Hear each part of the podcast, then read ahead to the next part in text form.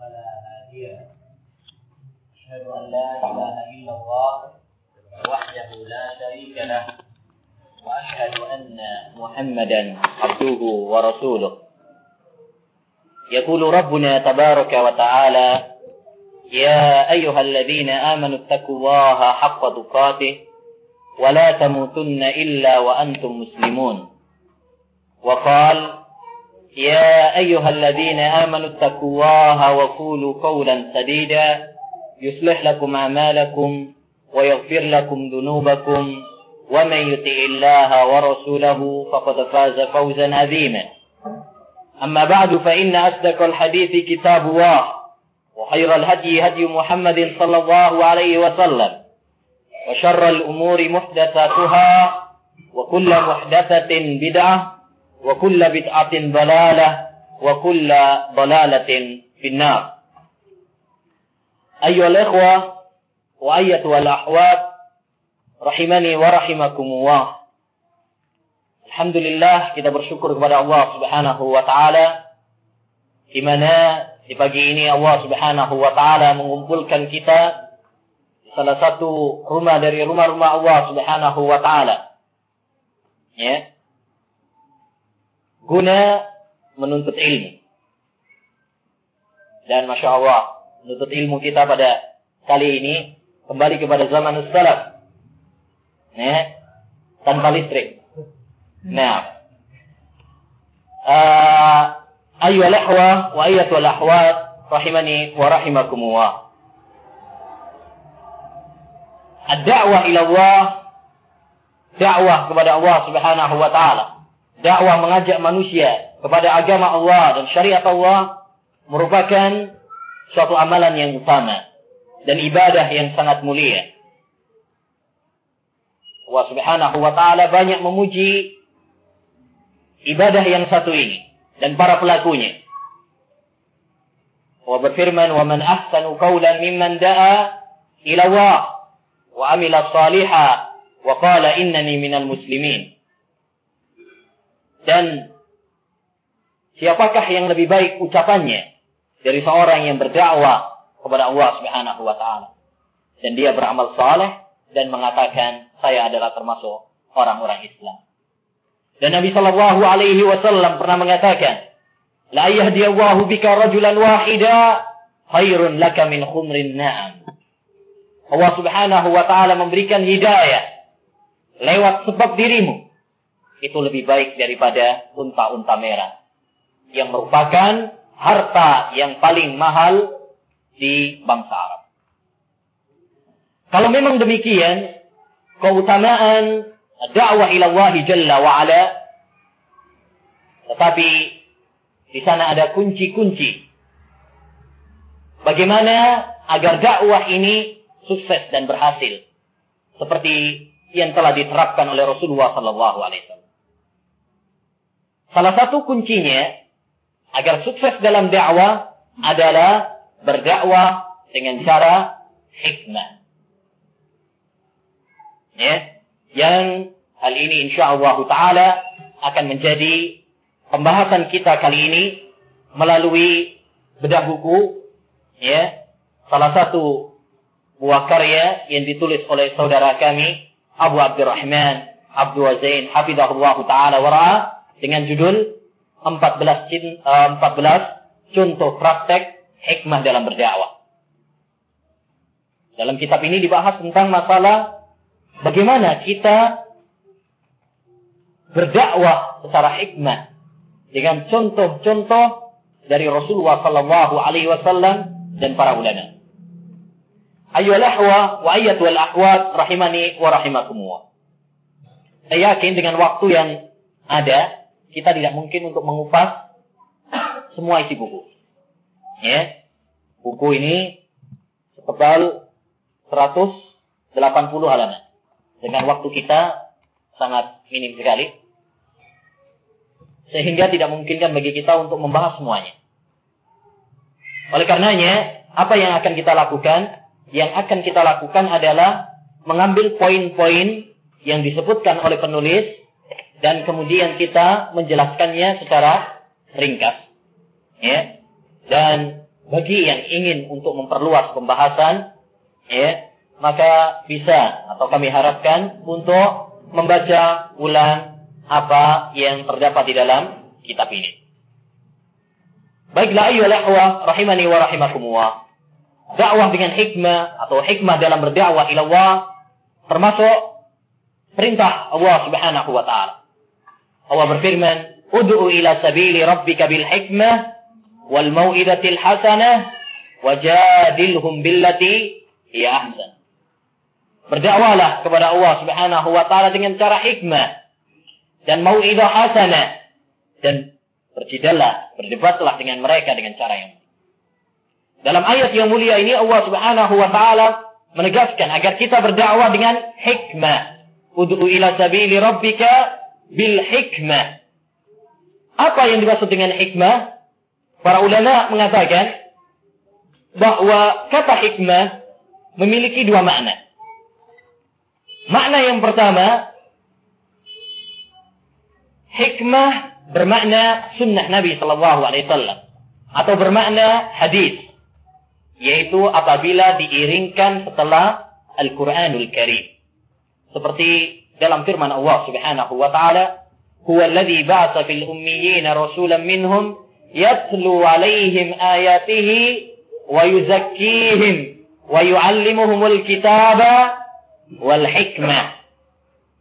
Dialah Allah Subhanahu wa taala yang mengutus kepada kalian seorang rasul, kepada mereka seorang rasul untuk mengajarkan ayat-ayat Al-Qur'an dan memberikan tazkiyah, pensucian kepada mereka.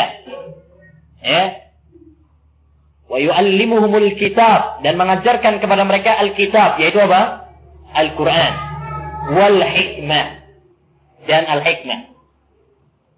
Dalam ayat ini al-hikmah jatuh setelah Alkitab yaitu Al-Qur'an. Maka maknanya adalah sunnah dengan kesepakatan para ulama sebagaimana dikatakan oleh Imam Syafi'i rahimahullahu taala dalam kitabnya Ar-Risalah. Yang kedua, hikmah apabila disebut secara sendirian, yakni tidak dibarengkan bersama Al-Qur'an. Maka mana makna hikmah ketika dia disebut sendirian adalah tepat dalam ucapan, perbuatan, keyakinan dan meletakkan sesuatu pada tempatnya. Inilah makna al-hikmah. Dan inilah yang akan menjadi pembahasan kita. Yaitu dakwah dengan hikmah yang tepat. Sesuai pada tempatnya. Dalam ucapan, perbuatan, dan keyakinan. Kita tepat. Tidak gegabah, tidak tergesa-gesa, dan tidak eh, meremehkan. Inilah yang akan menjadi pembahasan kita. Dan hikmah dalam dakwah ila Allah Jalla wa'ala dibangun di atas tiga pondasi. Yang pertama adalah al-ilm. Ilmu. Dakwah harus dibangun di atas ilmu. Karena kalau dakwah tidak dibangun di atas ilmu, maka kerusakan lebih besar daripada manfaatnya.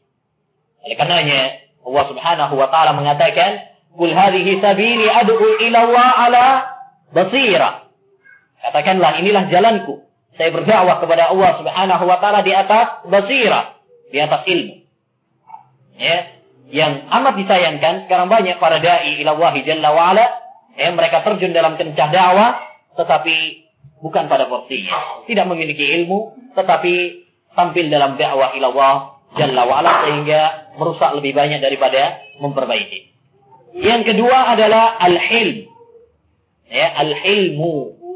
Al-hilmu adalah bijaksana ya bijaksana. Yang ketiga adalah al-ana. Ya, tidak tergesa-gesa. Hati-hati. Inilah tiga pilar di dalam hikmah ilallah jalla wa'ala.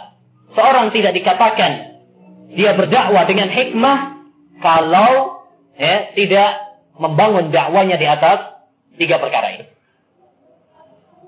Kemudian, ayyuhal ikhwah rahimani wa rahimakumullah, perlu diketahui bahwa manusia dalam memahami hikmah dalam dakwah ilawahi jalla wa ala terbagi menjadi tiga golongan. Golongan yang pertama adalah golongan yang tidak mempedulikan sikap hikmah dalam dakwah ilallah. Mereka tergesa-gesa. Mereka ngawur di dalam berdakwah ilallah jalla wa'ala. Terutama, ayo ikhwah, ya, terus terang, terutama yaitu bagi para ikhwan yang baru ngaji. Ya, baru ngaji. Semangat 45 sehingga terkadang ya melakukan suatu perbuatan dakwah, mengingkari kemungkaran, ya, dan ini adalah satu hal yang bagus, tetapi mengingkari kemungkaran harus dengan cara yang bagus juga. Jangan sampai kita mengingkari kemungkaran dengan cara yang mungkar. Ya, baru ngaji misalkan langsung instruksi ngancam bapaknya. Ya, Pak, kalau bapak masih ikut talilan saya nggak akan ya, jangan anggap saya anak bapak. Ya, bapaknya begitu kan. Akhirnya ya nggak terima bapaknya. Ini anak baru kemarin sore udah berani ngomong kayak gitu. Ya, ini rumah siapa? Ini rumah bapak. Kalau kamu nggak mau di sini, pulang pergi aja, cari sendiri. Dan itu betapa banyak kejadian-kejadian ya yang meretakkan hubungan antara orang tua dengan anak. Dan banyak ayo ikhwah contoh-contoh dalam masalah ini. Ini mengingkari kemungkaran tanpa hikmah dalam dakwah ilallah jalla wa Tanpa memperhatikan tanpa kebijaksanaan. Dulu ada seorang ikhwan baru ngaji, akhirnya kemudian dia pulang nyuruh anak-anak kencing untuk mencingi tempat uh, kebidahan. Buru-buru aja masyarakat akhirnya kumpul ingin bunuh dia. Ya. Jadi ayo ikhwa rahimani wa rahimakumullah, dakwah ilallah harus dengan cara hikmah. Dan ada sebuah kisah menarik juga dalam masalah ini yang diceritakan oleh seorang kawan kami di dulu di Afrika, uh, seorang kawan dari Afrika pernah menceritakan satu cerita yang lucu. Ada seorang ngaji, ya, mondok lagi tuh setahun, setahun pulang, pulang langsung instruksi kepada bapaknya. Bapaknya adalah seorang sufi, ya, Kemudian dia mengatakan mengutip perkataan Ibrahim alaihi salat. Ya abati inni qad ja'ani minal ilmi ma lam ya'tika fattabi'ni ahdika siratan sawiya. Wahai bapakku, mengutip perkataan Ibrahim. Wahai bapakku, ya, sesungguhnya telah datang kepadaku satu ilmu yang tidak sampai kepadamu. Jadi saya memiliki ilmu yang tidak kamu miliki. Maka ikutilah saya ya, saya akan menunjuki kamu kepada jalan yang yang lurus.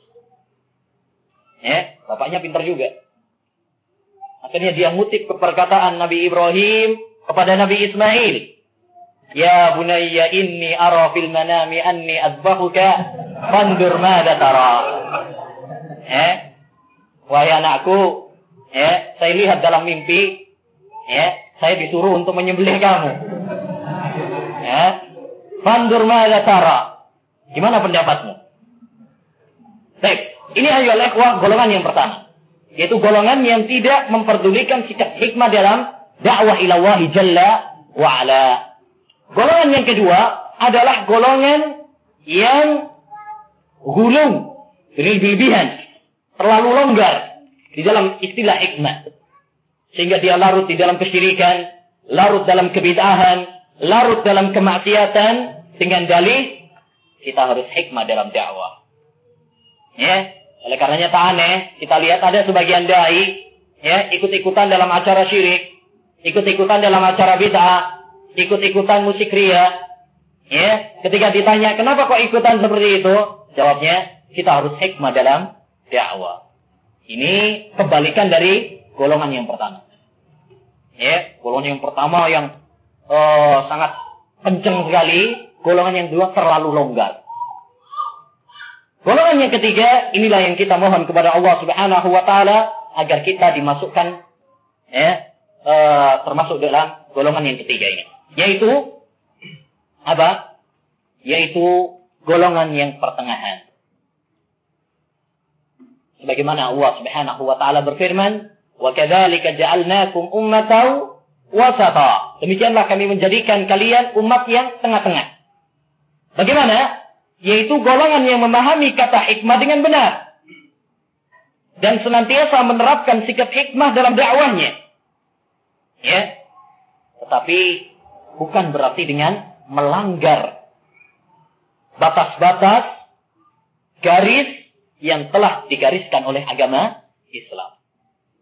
Ya, dia tetap hikmah dalam dakwah ila wahi jalla wa ala, ya. Tapi tanpa kemudian larut di dalam penyimpangan-penyimpangan dalam agama. Ya, dan inilah yang kita inginkan. Inilah yang kita uh, kehendaki, yaitu agar kita berdakwah ila wahi jalla wa ala, tapi bukan dengan kemudian kita larut di dalam kesyirikan, kebid'ahan, dan kemaksiatan alih-alih dengan dalih apa? Hikmah ila wahi Jalla wa'ala. Baik. Selanjutnya ayolah wa masuk kepada inti pembahasan.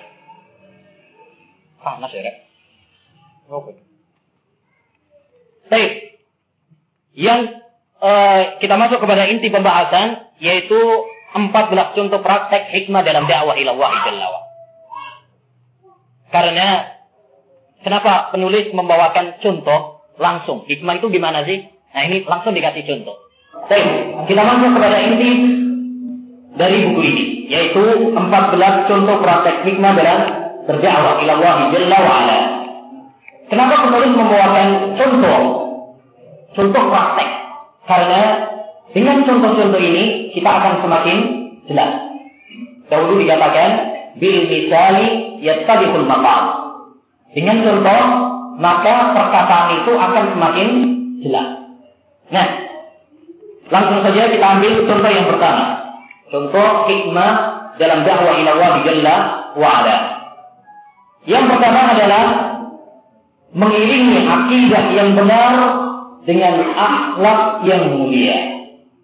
Mengiringi akidah yang benar dengan akhlak yang mulia. Akhwanana wa akhwati billah rahimani wa rahimakumullah. Masalah akhlak adalah masalah yang sangat penting sekali untuk kita perhatikan. Bagaimana tidak banyak sekali ayat-ayat dan hadis Nabi Shallallahu Alaihi Wasallam yang berbicara tentang akhlak. Rasulullah sendiri mengatakan, Inna bu'istu lutammima makarimal akhlak. Sungguhnya saya diutus untuk menyempurnakan akhlak. Ya. Oleh karenanya, hendaknya bagi kita terutama bagi tulabul ilmu, para penuntut ilmu, para ikhwan dan akhwat yang sudah ngaji istilahnya. Hendaknya mereka lebih memperhatikan kepada akhlak. Lebih daripada orang-orang awam. Lebih daripada orang-orang biasa. Sebagaimana kata Imam Al-Khatibul Baghdadi rahimahullah taala dalam kitabnya Al-Jami li Akhlaqir Rawi wa Adab dalam mukadimahnya beliau mengatakan hendaknya para penuntut ilmu untuk menjadi manusia yang berakhlak mulia lebih daripada manusia yang lain. Karena mereka biasa membaca hadis Rasulullah Shallallahu Alaihi Wasallam, sedangkan hadis Rasulullah Shallallahu Alaihi Wasallam banyak menceritakan tentang akhlak yang mulia dan banyak menceritakan tentang kemuliaan akhlak Rasulullah Shallallahu Alaihi Wasallam. Sedangkan Allah berfirman, "Laqad kana lakum fi Rasulillah uswatun hasanah." Sungguh pada diri Rasulullah sallallahu alaihi wasallam terdapat suri tauladan yang yang baik. Ya. Baik. Wal akhlak ikhwa akhlak yang mulia memiliki peran yang sangat besar untuk menarik masyarakat, menarik manusia kepada agama Islam dan menarik mereka kepada dakwah dan manhaj salafi. Banyak contoh. Di antaranya contoh yang diberikan oleh penulis. Contoh yang pertama adalah contoh bagaimana peran akhlak memasukkan manusia ya agar mereka masuk kepada agama Islam. Yaitu apa? Contoh tentang masuknya agama Islam ke bumi pertiwi ini, yaitu Indonesia. Penulis mengatakan di antara contoh nyata kekuatan akhlak dalam menarik simpati orang kafir sehingga mau memeluk agama Islam adalah sejarah masuknya Islam ke bumi pertiwi. Terlepas dari polemik panjang kapan Islam masuk ke Indonesia, apakah abad ke-7 Hijriah atau abad ke-1 Hijriah? Ada yang bilang abad 1 Hijriah sudah masuk. Pada zamannya Muawiyah katanya udah ada beberapa utusan ke Indonesia. Wallah Terlepas daripada perselisihan itu, ya, dia mengatakan para ahli sejarah yang berbicara tentang sejarah masuknya Islam ke Indonesia, mereka semuanya sepakat bahwa Islam masuk ke Indonesia bukan dengan kekerasan, bukan dengan pedang, bukan dengan jihad, tetapi dengan kekuatan akhlak. Di mana para pedagang, ya, orang diceritakan banyak para pedagang yang mereka uh, dari negara Arab datang, kemudian memasarkan dagangan-dagangan mereka, berbisnis, lalu diterima oleh masyarakat Indonesia karena akhlak-akhlak mereka yang indah. Ini ayat bahwa contoh praktek bagaimana akhlak memiliki peran yang sangat besar dalam menarik orang untuk masuk Islam. Contoh yang kedua adalah contoh bagaimana peran akhlak untuk menarik manusia kepada dakwah salafiyah. Kepada manhaj salafi yaitu kisah Syekh Ahmad bin Isa yang diceritakan oleh Syekh Al-Bassan dalam ulama unik. Dan beliau adalah termasuk Syekh Ahmad bin Isa dalam salah seorang ulama unik.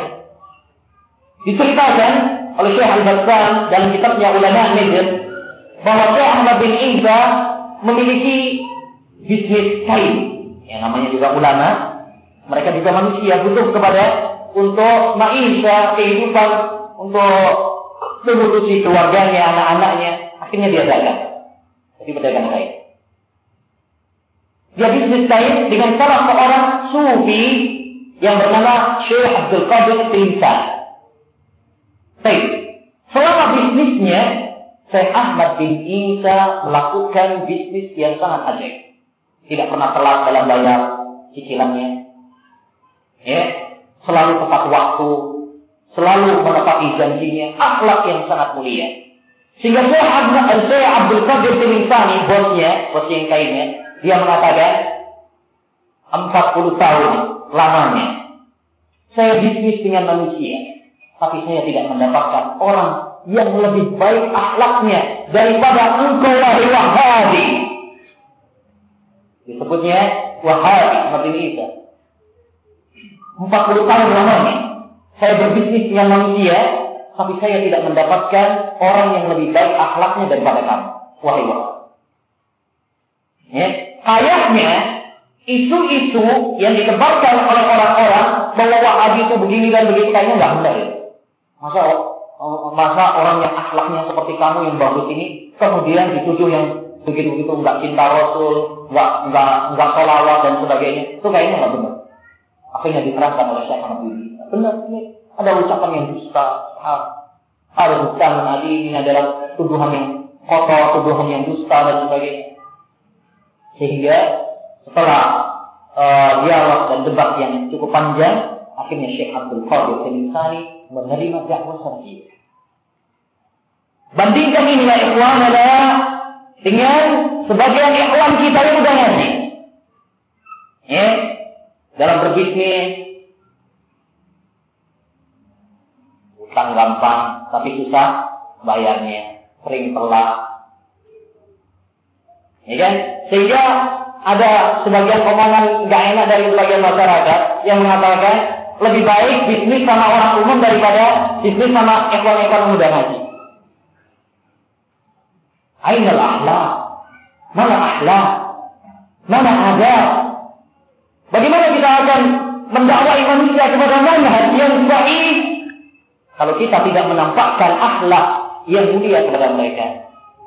Oleh karenanya hendaknya bagi para dai, bagi para talabatul ilm untuk mengiringi akidah mereka, dakwah mereka dengan akhlak yang mulia. Apalagi masyarakat biasa ya, warna mereka sangat meneliti kepada akhlak. Ya, pandangan simpati mereka yang pertama adalah dilihat dari akhlak.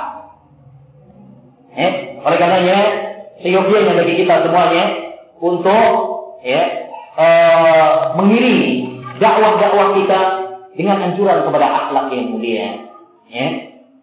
Nah, contoh yang kedua. Berbuka bangkit, menebarkan salam, dan menunaikan hak-hak sesama muslim. Walaupun mereka memiliki penyimpangan, selama itu dihajar belum layak diterapkan. Ini adalah termasuk hikmah dalam dakwah Allah Jalla. Yaitu engkau menyebarkan senyuman, menebarkan salam, menunaikan hak-hak sesama muslim. Rasulullah Shallallahu Alaihi Wasallam menekankan, "Tabassumuka li akhi sadaqah." Senyummu kepada saudaramu sesama muslim adalah sedekah. Ini adalah akhlak. Ini adalah perintah dari Nabi Shallallahu Alaihi Wasallam, anjuran dari Nabi Shallallahu Alaihi Wasallam. Jangan kemudian dibalik. Ya, sebagian ikhwan kalau udah ngaji sama masyarakat, kemudian kalau ketemu malah apa? Mencucu bahasanya. Apa? Serem. Ya, nggak menyapa, tidak menebarkan salam kepada mereka. Sehingga dalam pandangan mereka ini masyarakat tak pantas. Ya, muak melihat mereka. Ya, bilangkan seperti itu. Walaupun mereka memiliki penyimpangan, walaupun mereka terjatuh di dalam kesalahan, tapi mereka memiliki hak muslim. Bukankah Rasulullah Shallallahu Alaihi Wasallam menyatakan hakul muslim alal muslim itu hak seorang muslim terhadap muslim lainnya ada enam. Kalau mereka muslim, berarti mereka masuk dalam itu. Ada dalam pergaulan kita dengan masyarakat perlu uh, kita prinsip. Maksudnya seperti bukan berarti kemudian kita semuanya bergaul dengan masyarakat walaupun di alim bid'ah. Ini juga jangan dipahami seperti itu. Kita bergaul dengan masyarakat ya, seperti yang diterapkan oleh Rasulullah Sallallahu Alaihi Wasallam. Selama mereka Muslim, maka mereka mendapatkan hak untuk kita tebarkan salam kepada mereka, mendapatkan hak untuk kita senyum kepada mereka, mendapatkan hak kalau mereka sakit kita jenguk dan sebagainya. Tetapi untuk menjadikan teman karib, menjadikan mereka sebagai teman dekat, ya, maka pilihlah teman dekat yang bermanfaat bagi agama kita. Kalau hanya sekedar ketemu salam, tidak ada masalah. Tapi kalau misalnya menjadi dekat dalam agama dan sebagainya, ini perlu pilih-pilih. Ya, kenapa? Karena Nabi Shallallahu Alaihi Wasallam bersabda, "Al-mar'u ala dini khalilih." Seorang itu berdasarkan teman karibnya. Ya, kalian doa ahadukum man. Hendaknya seorang melihat kepada siapakah dia uh, berteman. Ini berteman karib. Jadi ini ikhwan harus dibedakan antara uh, tatkala kita bergaul, tatkala kita bermasyarakat. Sekedar bermasyarakat secara umum, berikan hak secara umum. Ya, berikan hak secara umum. Selama mereka muslim, mereka mendapatkan hak. Ya, tapi untuk menjadikan mereka sebagai teman kali, teman yang dekat sekali, maka ini harus dipilih-pilih orang-orang yang yang baik.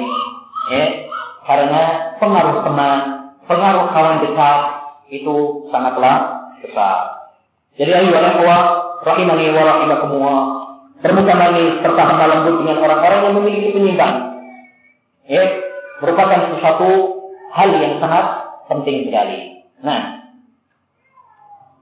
contoh yang ketiga, mengenal medan dakwah yang akan diterjuni.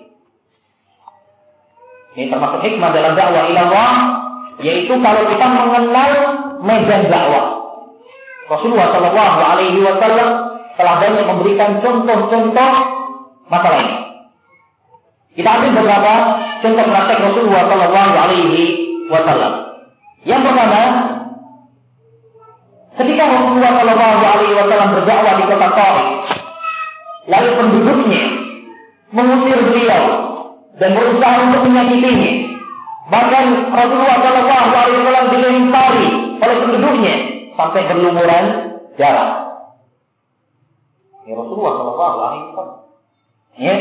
Kemudian Rasulullah Shallallahu Alaihi Wasallam berusaha ingin menyelamatkan dirinya sampai ke kebun dua orang bersaudara, Utbah dan Robiah. Ketika Rasulullah istirahat di sana, ternyata beliau ketemu sama ada ada itu adalah pembantunya, uh, pokoknya pembantu yang ngurusi apa? Kebun tadi. Apa yang dilakukan oleh Rasulullah SAW pertama kali? Rasulullah bertanya, Min ayyi baladin anta ya adda? Kamu dari negeri mana wahai adda? Ini yang dilakukan oleh Rasulullah. Perkenalan terlebih dahulu. Agar Rasulullah SAW tahu, eh, bagaimana dia akan melangkah selanjutnya. Orang aslinya dari mana? Apa latar belakangnya? Pendidikannya apa? Agamanya apa? Sebelum untuk dimasuki apa? Dakwah. Penting. Contoh yang kedua, Rasulullah Shallallahu Alaihi Wasallam ketika menawarkan dakwah kepada kabilah-kabilah Arab, beliau membawa Abu Bakar. Kenapa yang dipilih Abu Bakar? Karena Abu Bakar itu adalah seorang sahabat yang pinter masalah nasab. Oh ini dari ini dari keluarga ini nasabnya ini ini. Tahu? Abu Bakar Siddiq radhiyallahu dan orang Arab paling e, perhatian masalah nasab. Bilah-bilah itu mereka perhatian. Nah, ketika Rasulullah SAW berdakwah, beliau ngajak Abu Bakar supaya diperkenalkan. Tujuannya apa? Tujuannya agar Rasulullah Shallallahu Alaihi Wasallam tahu kepada siapa dia harus berdakwah dan bagaimana caranya. Ya, yang ketiga, ketika Rasulullah Shallallahu Alaihi Wasallam memutus sahabat yang mulia Mu'ad ibnu Jabal, beliau berpesan kepadanya, Ya Mu'ad, innaka tatati qauman min ahli kitab. Wahai Mu'ad, kamu akan mendatangi suatu kaum dari ahli kitab. Kok bisa kita tahu dulu? Yang kamu akan hadapi itu adalah ahli kitab, orang-orang Yahudi dan Nasrani yang mereka memiliki kitab, memiliki ilmu. Dikasih tahu dulu. Agar apa? Agar muat persiapan. Kamu yang kamu hadapi ini bukan orang sembarangan loh. Ini orang-orang yang berilmu. Mungkin mereka akan mendebatmu. Ya persiapan. Kan gitu. Jadi kenapa kita perlu mengenal medan dakwah? Agar kita bisa menempatkan posisi pada tempatnya masing-masing. Karena orang itu beda-beda. Masyarakat itu beda-beda. Ada istiadat berbeda. Kemudian latar belakang berbeda. Tingkat pendidikan berbeda. Makanya anak kalau misalkan diminta untuk ngaji di satu tempat, ya ini saya tanya dulu.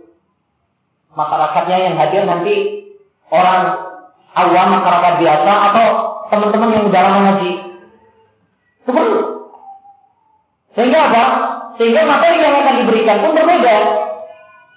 Kalau ini yang masih awal, jangan langsung masih awal, misalkan langsung dibahas tentang masalah eh, apa ya, musik atau rokok atau yang lain. Kan belum kenal, langsung dibahas rokok, musik. Oh itu enggak ngaji lagi. Eh, jadi perlu ayo buat rahimani wa rahimakumullah kita mengenal medan dakwah mendapat medan dakwah agar kita bisa apa namanya e, memposisikan ya meletakkan sesuatu pada tempatnya. Ya baik.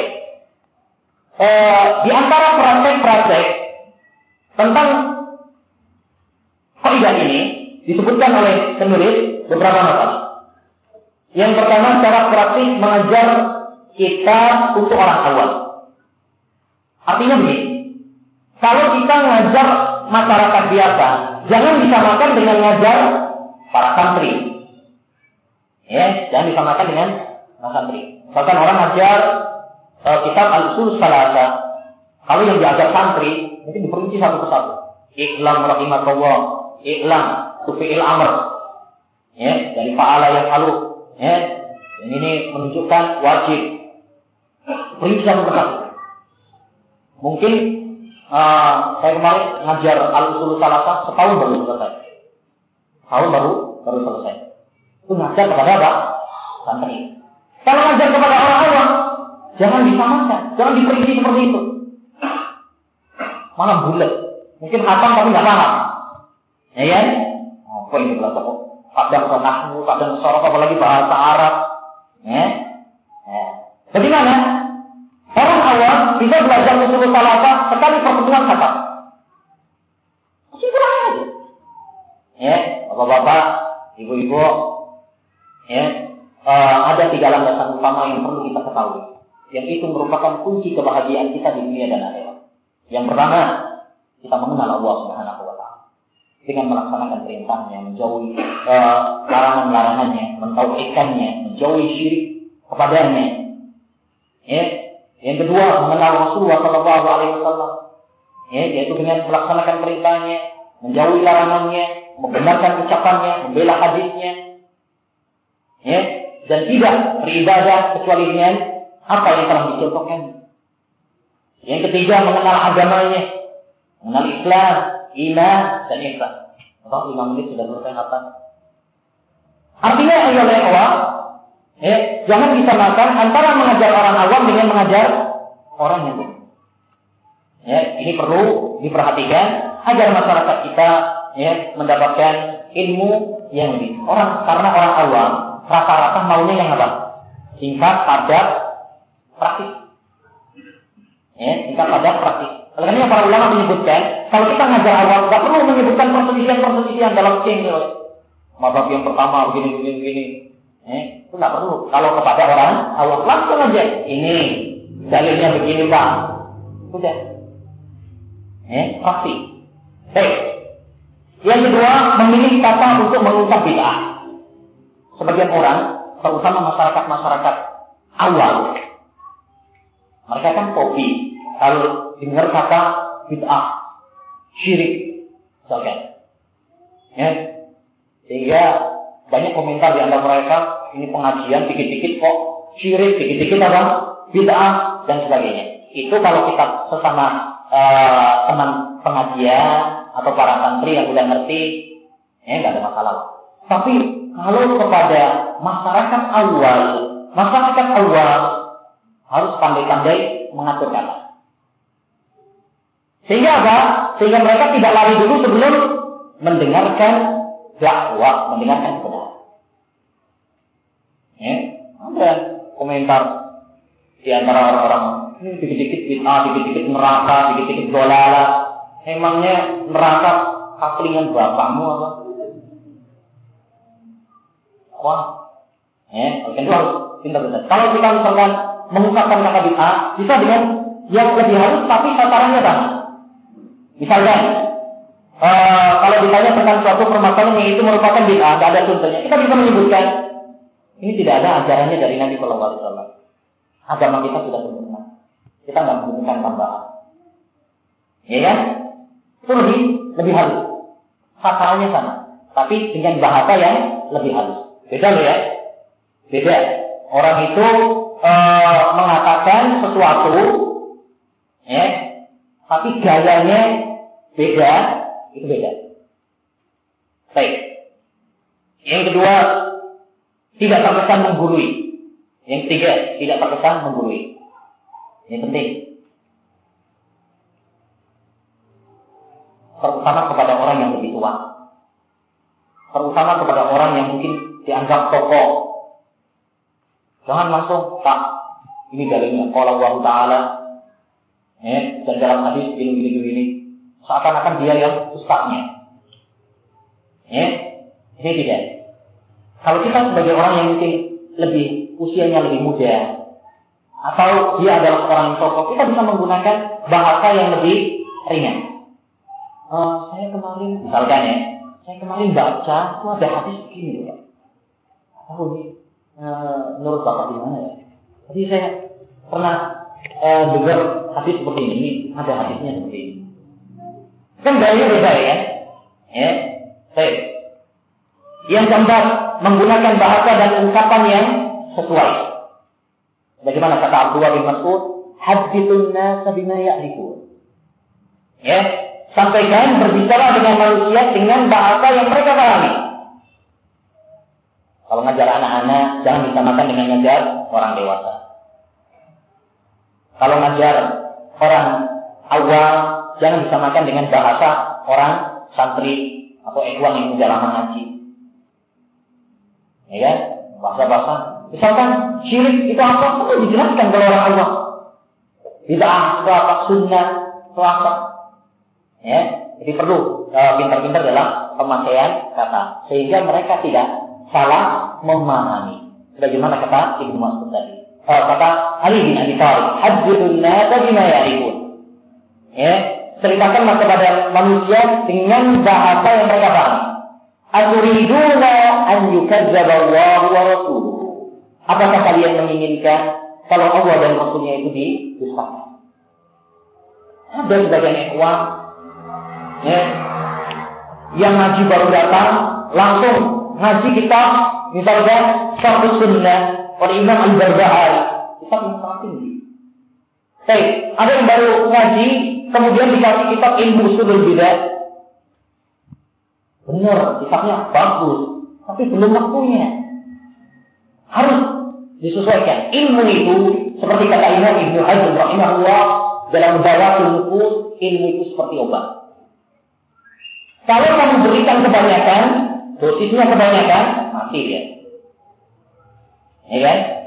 Orang misalkan e, pasien datang kepada seorang dokter, dikasih obat yang kelebihan dosisnya. Untung-untung aja kalau nggak kekuburan. Ya, demikian juga ilmu. Kalau kita berikan kepada orang yang belum kuat, orang ngaji langsung dikasih ilmu yang tinggi, bisa-bisa langsung apa? geblak, mundur. Dan ini kita khawatirkan termasuk apa yang disabdakan oleh Nabi Shallallahu Alaihi Wasallam. Inna minkum munafirin. Sungguh, sungguhnya di antara kalian, wahai para sahabat, ada orang yang membuat lari dari dakwah. Melarikan manusia dari dakwah. Eh? Nah, jadi ini adalah wah penting. Menarik sekali apa yang diceritakan oleh penulis. Ya, ketika saya mungkin beberapa bulan yang lalu ke rumahnya, dia pernah cerita itu. Ada seorang ustaz itu biasa ngajar kita Al-Hamawiyah oleh Syekhul Islam Taimiyah. Pernah tahu ya kitab Al-Hamawiyah? Itu kitab yang bahas tentang asma sifat. Cukup berat kitabnya. Yang ngajar kepada santrinya biasanya ngajinya itu. Suatu saat dia disuruh mengisi pengajian di kepolisian. Itu repot ini. Dia misalnya uh, apa Hamawiyah. Yang lain nggak bisa deh. Kalau disuruh ngaji yang lain nggak bisa. Misalnya itu. Suatu saat disuruh ngaji di kepolisian. Akhirnya daripada nggak bisa ngomong, dia sampaikan apa yang ada di dalam kitab Al-Hamawiyah akhlak, mau sifat dan sebagainya. Untungnya, ya, yang hadiri dari para polisi komentarnya bagus. Masya Allah. Ya, ilmunya Ustaz ini mantap sekali sampai kita enggak enggak paham bahasa. eh, untung komentarnya gitu ya.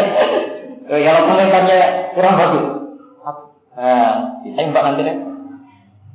Baik, Contoh yang keempat.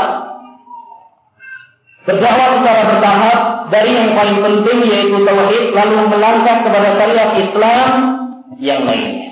Sebagaimana kata Nabi Shallallahu Alaihi Wasallam ketika beliau memberikan nasihat kepada Muad bin Jabal, ya, wahai Muad kamu akan mendatangi suatu kaum dari ahli kitab, faliyakun awwalan tad'uhum ilaih an. Maka hendaknya yang pertama kali engkau dakwahkan kepada mereka adalah tauhid terlebih dahulu.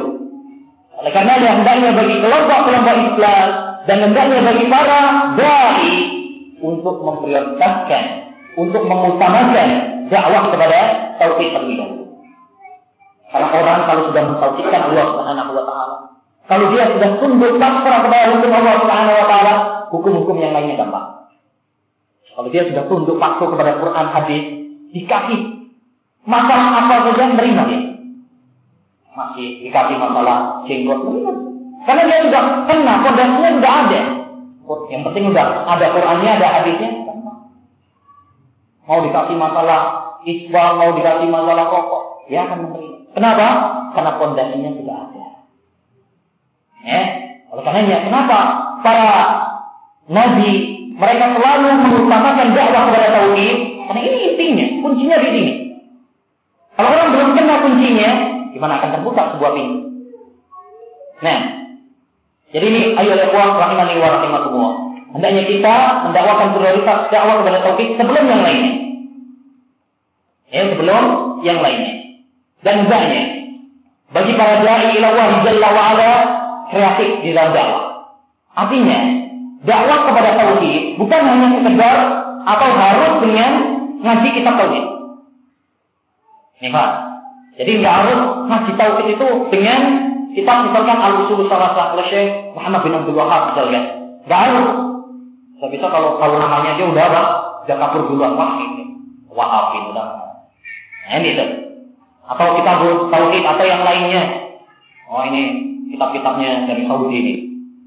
Wah ini paham Wahabi yang didoktrinkan oleh kiai-kiai kita ini. Sesat ini. Kita bisa lebih kreatif. Bisa juga dengan apa? Dengan mengajarkan Al-Quran. Mengajar Tauhid dengan lewat Al-Quran. Misalkan, kita ngaji tafsir. Al-Quran. Pilih misalkan tafsir Ibnu Katsir. Ya, ulamanya Madhab Syafi'i. Imam Ibnu Katsir. Kalau ngaji Al-Quran siapa sih yang nggak mau? Ya, coba semuanya ada uh, menerima Al-Quran itu sebagai pegangan umat Islam. Terima semuanya. Ayo. Di sela-sela pembahasan tentang Al-Quran banyak yang berbicara tentang tauhid. Ketika misalkan menafsirkan iya karena abu dua iya karena nasta'in, hanya kepada engkau kami beribadah dan hanya kepada engkau kami minta pertolongan. Bisa dimasukkan tauhid. Ayat ini menunjukkan kepada kita harus ya beribadah hanya kepada Allah semata. Ya, bisa juga lewat hadis. Nanti misalkan Al-Arba'in Nawawi. Ya, kebetulan penulisnya juga bermadhab Syafi'i. Imam An-Nawawi rahimahullah taala. Di sela-sela hadis misalkan tentang bunyian Islam, ala tentang Islam itu bagaimana? Tidak bisa memasukkan tauhid.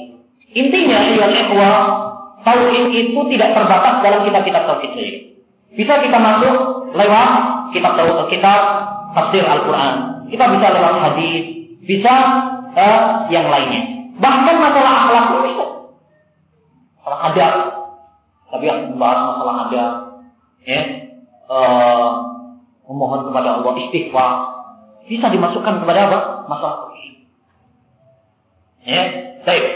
Ini ayo uh, masalah yang sangat penting sekali penulis memberikan kisah-kisah menarik dari para ulama rahimahullah taala yang mereka menerapkan ya praktek-praktek tadi. Ada yang mengajarkan lewat Al-Qur'an. Akhirnya satu desa eh mendapatkan hidayah Ada yang mengajarkan tauhid lewat hadis seperti Syekh Mukbil bin Hadi di Yaman.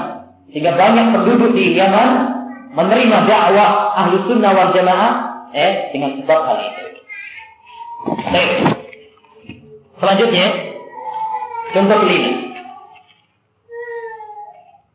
Mengutip perkataan ulama ahli sunnah yang dikenal baik masyarakat luas, serta menghindari penyebutan nama ulama tertentu pada sebuah komunitas yang fobi dengan nama-nama tersebut. Ya, ulang. Contoh yang kelima, termasuk hikmah dalam dakwah adalah mengutip perkataan ulama ahli sunnah yang dikenal baik masyarakat luas. Seperti misalkan Imam Syafi'i. Siapa sih yang tidak kenal Imam Syafi'i? Bahkan mayoritas penduduk Indonesia ini kan bermadhab Syafi'i. Kenal semua. Baik. Setelah kita nukilkan dalil-dalil Al-Quran, hadis, kita tambahkan ucapan Imam Syafi'i. Mantap itu. Eh? Mantap.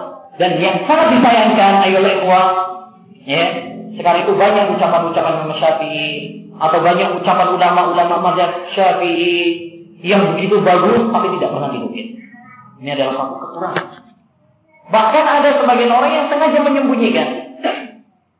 Seandainya uh, perkataan-perkataan Imam Syafi'i itu diangkat, ya, maka itu insya Allah akan banyak memberikan apa?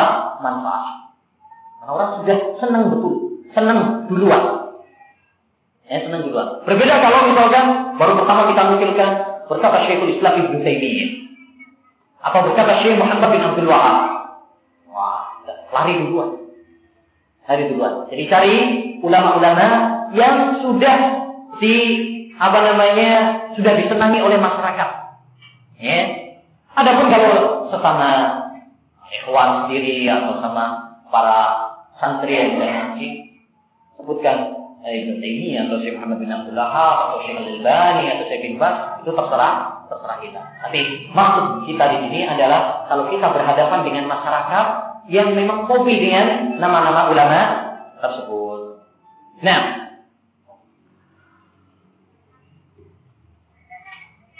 contohnya, nah ini beliau memberikan beberapa contoh. Contoh praktek nyata tingkat hikmah di atas. Kalau yang pertama, dia memberikan beberapa contoh. Kalau kita ingin menyampaikan masalah pembagian tauhid menjadi tiga. Rububiyah, uluhiyah, asma wa sifat. Kutipkan perkataan Al-Imam Al-Mikrizi atau Al-Imam Ibnu Katsir atau Imam Syafi'i. Karena beliau di awal kitab Ar-Risalah, beliau juga mengisyaratkan tentang pembagian tauhid menjadi tiga. Rububiyah, uluhiyah, asma sifat. Ya, kan ada karena ada sebagian orang kalau kita kutipkan perkataan-perkataan ulama yang mereka nggak benar, mereka bilang, wah itu pembagian tauhid menjadi rububiyah, uluhiyah, asma sifat itu hanya buatan Ibnu Taimiyah. Ada yang mengatakan seperti itu. Makanya Syekh Abdul Razak bin Abdul Muhsin Al-Abbad menulis sebuah kitab Al-Qawlus Sadid fi raddi ala man ankara takfir tauhid. Dalam kitab tersebut beliau mencantumkan ulama-ulama yang membagi tauhid menjadi tiga sebelum abad ketujuh. Maksudnya apa? Karena kalau abad ketujuh itu Ibnu Taimiyah. Sebelumnya, jadi banyak para ulama yang membagi tauhid menjadi tiga. Sebagai isyarat dari beliau bahwa ya, pembagian ini bukanlah buatan Ibnu Taimiyah. Ya, baik. Yang kedua, contoh yang kedua, ketika kita menjelaskan bahwa Allah berada di atas aras, dan bukan di mana-mana. Kita kuatkan dari dalil dari kita adalah sunnah dengan perkataan Imam Abu Hasan al Ashari. Nah, sebagian masyarakat kita kan mereka mengatakan kalau dalam fikih kita madhabnya Syafi'i. Kalau akidah madhabnya Ash'ari atau Maturidi. Sehingga kalau kita mungkinkan ucapan Imam Abu Hasan al Ashari sendiri, bagaimana beliau mengatakan dalam kitabnya Risalah ila Ahli Beliau mengatakan wa ajma'u ala annahu ta'ala fawqa samawati ala arsyih. Para ulama sepakat bahwa Allah itu di atas langit. Ini perkataan Imam Hasan sendiri. Gitu ya. Mereka nggak bisa berkutik. Beda kalau minta ini wah emang minta ini ya, itu bikin gara-gara terus. Nah, ini itu. Mungkin aneh-aneh aja. Tapi kalau Imam Abu Hasan Asari, iya ya. Imam Abu Hasan Asari lah yang apa namanya e, kita merasakan kepadanya. Ini kita ini asairo. Ini perkataan Abu Hasan Asari sendiri. Baik. Contoh yang ketiga dari saya pribadi dan dari ini. Hal ini dicontohkan ketika kita menjelaskan haramnya musik, kita bawakan apa yang tertulis dalam Kifayatul Ahya, kitab kuning yang biasa dipelajari dalam pondok-pondok pesantren tradisional. Kifayatul Ahya. Ya, para mata Nabi Syuja. Di sana dia mengatakan bahwa jual beli alat musik adalah baiun batil. Jual beli yang batil, tidak sah. Karena alatnya haram. Berarti alat-alat musik itu dihukumi dalam kitab kuning kifayatul ahya sebagai uh, itu adalah perbuatan yang haram. Baik, contoh yang keempat dan ini yang penting kalau kita ingin menyampaikan tentang masalah bid'ahnya tahlilan, misalnya selamatan. Bahwasanya itu tidak ada ajarannya dari Nabi Shallallahu Alaihi Wasallam. Kita mungkinkan perkataan ulama-ulama mazhab Syafi'i. Terutama perkataan Imam Syafi'i sendiri dalam kitabnya Al-Um. Beliau mengatakan wa akrahul ma'tan. Saya benci untuk kumpul-kumpul mengadakan selamatan kematian. Imam Syafi'i. Bahkan secara tegas dalam kitab I'anatul Talibin, kitab kuning yang menjadi pegangan eh, pesantren-pesantren tradisional, di situ dikatakan bahwa kumpul-kumpul itu termasuk bid'atun mungkaratun yajibu ingkaru. Itu termasuk perbuatan bid'ah yang mungkar yang harus diingkari. Eh, yang harus diingkari. Kita sampaikan kulit. Nggak bisa berkutik. Oleh karenanya, ada seorang ustaz pernah dialog sama uh, salah seorang di antara mereka. tentang masalah ini. Dibawakan perkataan Imam Syafi'i, perkataan Imam Nawawi. Mereka nggak berkutik. Kemudian berkomentar lucu. Ya, kok lucu terus ini ya. Baik, komentarnya gimana?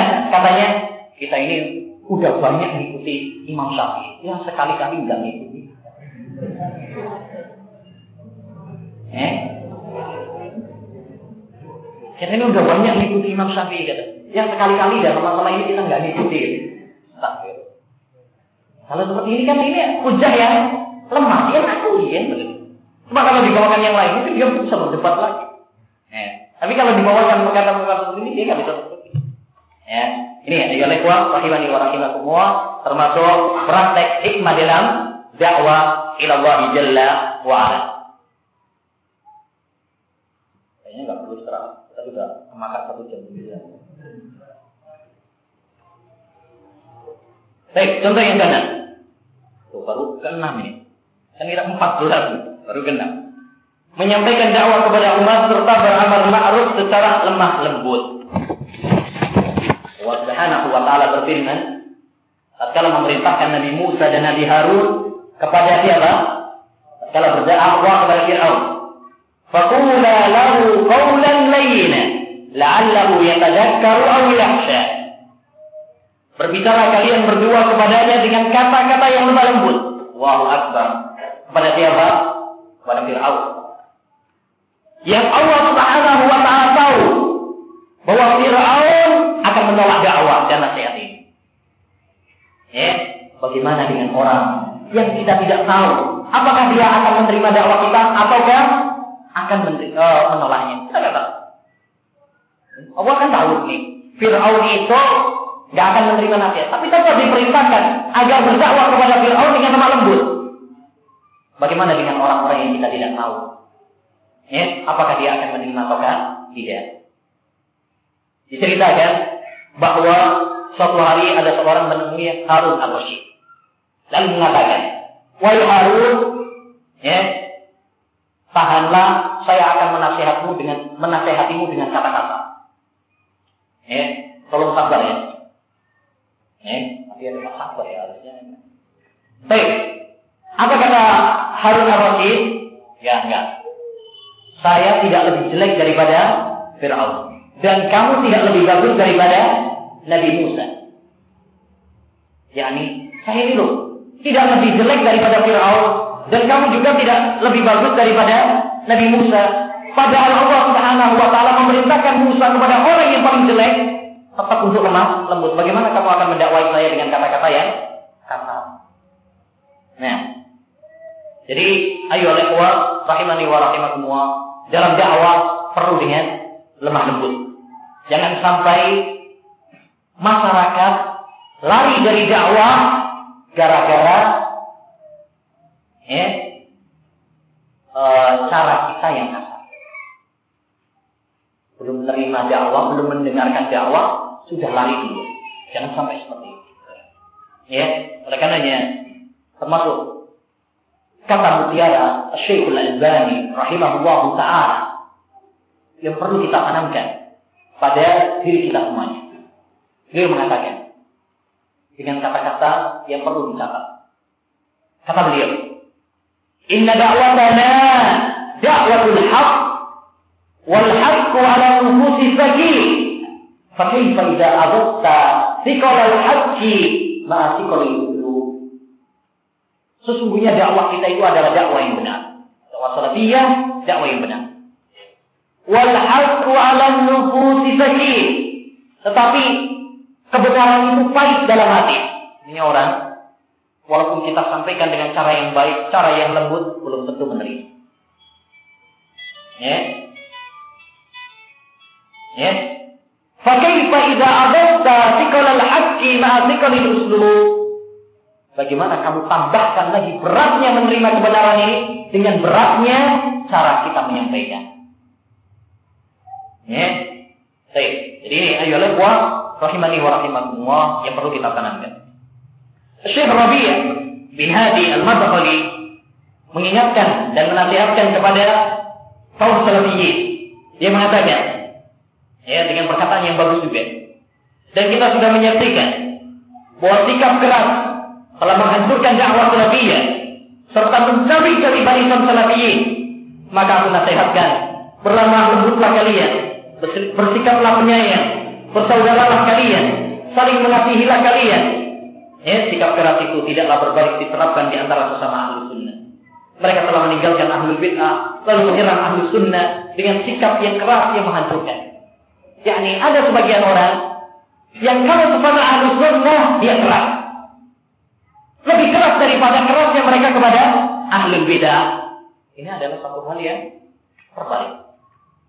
Hendaknya bagi ahli sunnah wal jamaah untuk saling menyayangi di antara mereka. Bersikap lembut sama mereka. Terlebih lebih pada zaman kita sekarang. Ayo ikhwah, di satu zaman di mana para ahli sunnah wal jamaah mereka eh, sangat hurada asing di tengah-tengah masyarakatnya, di tengah keluarganya, di tempat kerjanya, ya. Lantas pantaskah kita dengan sedikit jumlah kita lalu kita bersikap keras terhadap sesama, bercerai berai di antara kita sesama, Semoga Allah Subhanahu wa taala merahmati Al-Imam Al-Hasan Al-Basri. Tatkala mengatakan, "Ya ahla sunnah, tarahamu fi ma bainakum fa innakum aqallun Wahai ahli sunnah, hendaknya kalian saling menyayangi sesama kalian karena kalian adalah orang yang paling sedikit jumlahnya. Baik. Suatu kisah menarik dalam masalah lemah lembut dalam dakwah ini adalah apa yang diceritakan oleh Syekh Ibnu Taimin rahimahullah taala. Ya, dan uh, ini beliau bercerita tentang gurunya Syekh Abdurrahman As-Sa'di. Dia bercerita bahwa dahulu ada seorang pemuda yang amat semangat untuk beramal ma'ruf nahi munkar. Satu saat di sore hari dia mendapatkan seorang pengembala unta sedang uh, mengembalanya sambil nyanyi. Dia semangat. Ketika itu ada dan maghrib. Tetap aja dia itu nyanyi. Akhirnya diingatkan dengan cara yang. Ini orang itu gak mungkin. Ya. Akhirnya pemuda itu datang kepada seorang syekh, seorang ulama. Dan yang dimaksud adalah Syekh Rahman Sa'ad. Akhirnya seorang alim tadi nggak percaya. Ah nggak percaya ada seorang muslim kok diajak sholat nggak mau. Akhirnya dia ke sana, kemudian menyampaikan dengan lemah lembut, ya ahi, kita sudah dipanggil oleh Allah Subhanahu Wa Taala untuk melaksanakan sholat. Yuk kita sholat bareng dengan kata-kata yang lembut. Kok ya mau? Langsung wudhu sholat bareng sama alim tersebut. Ini pemuda tadi kok bengong. Loh kok sama saya tadi kok nggak mau? Sekarang kok mau sama Syekh? Apa resepnya? Apa kuncinya? Karena yang pertama dengan cara yang kasar, yang kedua dengan cara yang lembut. Nah, contoh yang ketujuh, menarik simpati orang yang ditokohkan atau pejabat setempat yang memiliki kedudukan di hati masyarakat. Ini penting. Di antara praktek hikmah dalam dakwah ilallah jalla wa'ala, yaitu kita menarik simpati orang-orang yang ditokohkan. Dari para tokoh, para desa, mata, ya, orang-orang yang memiliki uh, tokoh nama atau jabatan. Ini perlu. Bukankah Allah Subhanahu wa taala memerintahkan kepada Musa dan Harun untuk mendakwai Firaun? Ya, kenapa dikhususkan Firaun? Karena Firaun ya, dialah yang raja Mesir waktu itu. Sehingga diharapkan dengan Islamnya dia, dengan kalau Fir'aun bisa masuk kepada ajarannya Nabi Musa alaihissalam, ya, diharapkan banyak sekali nanti orang-orang yang akan menerima ajarannya Nabi Musa alaihissalam. Demikian juga kita lihat Rasulullah Shallallahu alaihi. Beliau konsentrasi penuh, ya, banyak bersemangat untuk mendakwai para tokoh, para pejabat, orang-orang yang memiliki petinggi, jabatan yang tinggi. Beliau semangat untuk mendakwai Umama, beliau bersemangat untuk mendakwai Abu Sufyan, beliau bersemangat untuk mendakwai pamannya dan sebagainya. Beliau menulis surat kepada para raja. Apa tujuan di balik itu? Tujuan di balik itu adalah bukan jabatan, bukan dunia. Ya. Tetapi balik itu adalah ada tujuan yang menarik. yang kita harapkan kalau orang-orang yang memiliki jabatan atau memiliki nama tersebut dia menerima dakwah yang benar maka diharapkan para pengikutnya masyarakat biasa banyak yang mengikut kepada karena orang itu kan kadang ikut kepada apa pemimpinnya pepatah bilang eh ekor ikan itu ikut kepada eh? Kepalanya.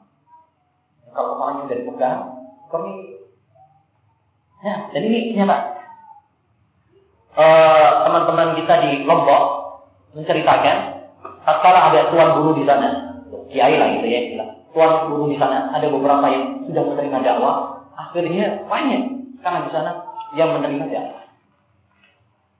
Sehingga kalau lagi ada kajian itu, mungkin satu alun-alun Ya, ada guru jalan sekali ya. Jadi ini ayolah wa rahimani wa rahimakumullah. Oleh karena Nabi Shallallahu Alaihi Wasallam mengatakan dalam sebuah hadisnya, "Lau amana bi asrafin min al-yahud, la amana al-yahud." Ya, seandainya 10 orang dari Yahudi beriman kepada aku, saya mungkin orang Yahudi akan beriman semua. Yakni kata Al-Habib, 10 orang tersebut kelihatannya yaitu tokoh-tokoh mereka. Tokoh-tokoh mereka. Di antara bentuk misalkan yang bisa kita lakukan pendekatan kepada mereka Misalkan seperti tadi ya melakukan uh, mereka ya untuk mengikuti pengajian. Yang penting minimal mereka mengetahui hakikat dakwah kita. Ya, biar nanti nggak dibilang teroris lah. Ya kan? Penting. Siapa nanti ada tuduhan, oh dari masyarakat itu pondok itu pondok teroris itu. Jadi kan pak tempatnya Oh enggak, saya kemarin hadir di situ, eh, malah membongkar akar teroris. Nah, penting kan? Ya, minimal seperti. Baik. Di antara bentuk yang lainnya juga wah, kita memberikan hadiah kepada mereka. Ya, memberikan hadiah kepada mereka. Kalau kita datang dari tempat bepergian, kita datang kepada mereka. Kasih apa? Uh, hadiah yang wangi atau buku dan yang lain. Bagaimana kata Nabi Wasallam? Tahadu, tahadu. Berikanlah hadiah, yang kalian akan saling mencintai. Ya? Jangan seperti sebagian orang, sebagian ikhwan, baru dia membuka lahan dakwah di suatu desanya, pertama kali yang dia lakukan adalah ya apa namanya langsung ada jarak antara dia dengan tokoh-tokohnya pihak-pihaknya langsung disikat semuanya. Ini termasuk clear dalam manhaj dakwah. Dan ini tidak menguntungkan dakwah kita, malah akan merugikan dakwah. Kenapa? Karena mereka adalah orang-orang yang memiliki kekuatan, mereka adalah orang-orang lama, sedangkan kita adalah orang yang yang baru. Harus memperhatikan. Ya, hikmah dalam dakwah. Ila wahjil ala. Ya, nah, Contoh yang kedelapan, memperhatikan generasi muda dan anak-anak kecil tanpa menyampingkan orang-orang yang telah lanjut usia. Juga penting perhatian kepada anak-anak, kepada generasi muda, karena mereka lah yang akan meneruskan estafet dakwah ini. Oleh karena Nabi Shallallahu Alaihi Wasallam perhatikan kepada anak-anak. Ya bulan, Bismillah, wahai anak kecil, kalau kamu makan baca lagi Bismillah, wakul biyaminik, makanlah dengan kan, aja. Sejak anak kecil, sejak kecil, diajarkan, dididik. Ya, kalau kita misalkan ketika berziarah kepada suatu tempat dalam keluarga, ya, coba antum menyapa kepada anak-anak. Ya, gimana kabarnya? Sudah berapa? Uh, apa namanya? Uh, sudah kelas berapa? Itu menyenangkan, menyenangkan anaknya, menyenangkan juga keluarganya. Kita bisa dengan akhlak yang mulia. Ya, baik. Syekh Mukbil bin Hadi Al-Wadi, orang ulama Yaman, diceritakan bahwa termasuk keberhasilan dakwah beliau adalah di awal-awal dakwah beliau itu mengajari anak-anak ngaji. Ya, awal datang ke Yaman, beliau yang dia lakukan adalah ngajar anak-anak TPA. Ya, kalau kita kayak TPA gitu ya, ngaji. Ya, itu pertamanya. Kemudian berkembang, berkembang, dan seterusnya. Jadi perhatian seperti ini adalah sangat penting sekali. Tentunya dengan bahasa yang sesuai dengan mereka seperti yang e, kita singgung. Hadis sunnah tapi itu Ya, mencermai anak-anak, anak-anak ya berarti nggak sama dengan yang dewasa. Anak-anak ya itu kadang ya dikasih cerita bahasanya e, bahasa gaulnya anak-anak dan sebagainya. Karena nanti ceramahnya kayak kita seperti ini. Nah, contoh yang kesembilan, menerapkan skala prioritas dalam mengingkari kemungkaran. Artinya dalam mengingkari kemungkaran kita harus bertahap. Jangan langsung semuanya. Ya. Orang misalkan dia sudah 40 tahun bergelut dengan suatu kebid'ahan. Jangan kira kemudian dengan satu hari kita dakwai langsung dia keluar dari pemahaman sesatnya. Butuh kesabaran. Ya, butuh keuletan dan tidak lupa juga butuh doa kepada Allah Subhanahu wa taala. Jadi butuh di dalam mengingkari kemungkaran itu tahapan-tahapan. Oleh karenanya Aisyah radhiyallahu anha mengatakan, "Inna ma nazala al-Qur'anu awwal ma nazala min suratan min al-mufassal fiha dzikrul jannati wan nar." Hatta idza taba an-nas ila al-Islam nazala al-halal wal haram. Ya, pertama kali Al-Qur'an itu diturunkan itu membahas tentang sifat surga dan neraka. Sehingga tatkala manusia sudah masuk Islam, diterangkanlah ini yang halal, ini yang haram. Walau walau nazala awwal syai'in la tasrabul khamra laqalu la nadul khamra abada.